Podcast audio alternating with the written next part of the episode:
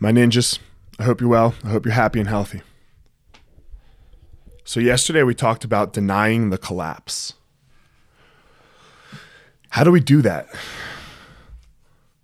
You have to get uncomfortable.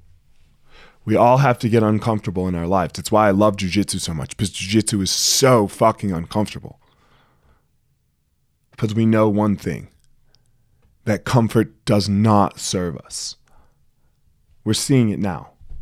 We're, seeing it today with with uh, with everything that we watch on the media, with our neighbors, with with whoever, with everything that's going on.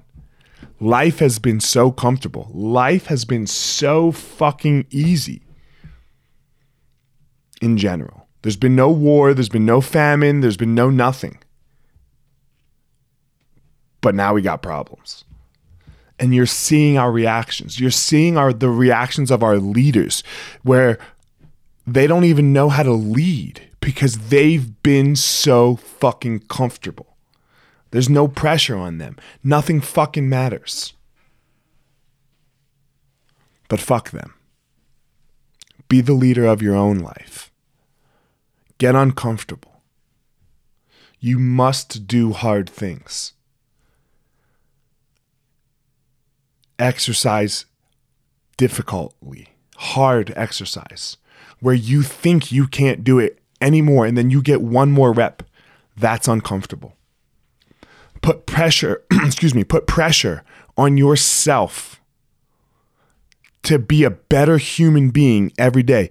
Uh, not better, more skillful, to be a more skillful human being every day.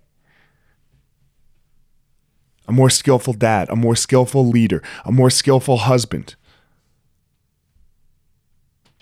a more skillful business person, a more skillful I don't give a fuck what the what your job is. Do it more skillfully. Why? Not because of anybody else, not because you're going to make more money, because it's going to put pressure on you. It's going to put pressure on you. And then every day you're going to step it up a little more and a little more and a little more out of your comfort zone into uncertainty. And that's what you're seeing. The people that do that, the people that get uncomfortable all the time, they're cool right now. They're chilling because they're fucking used to it. They're fucking used to being uncomfortable. That's where you find your power.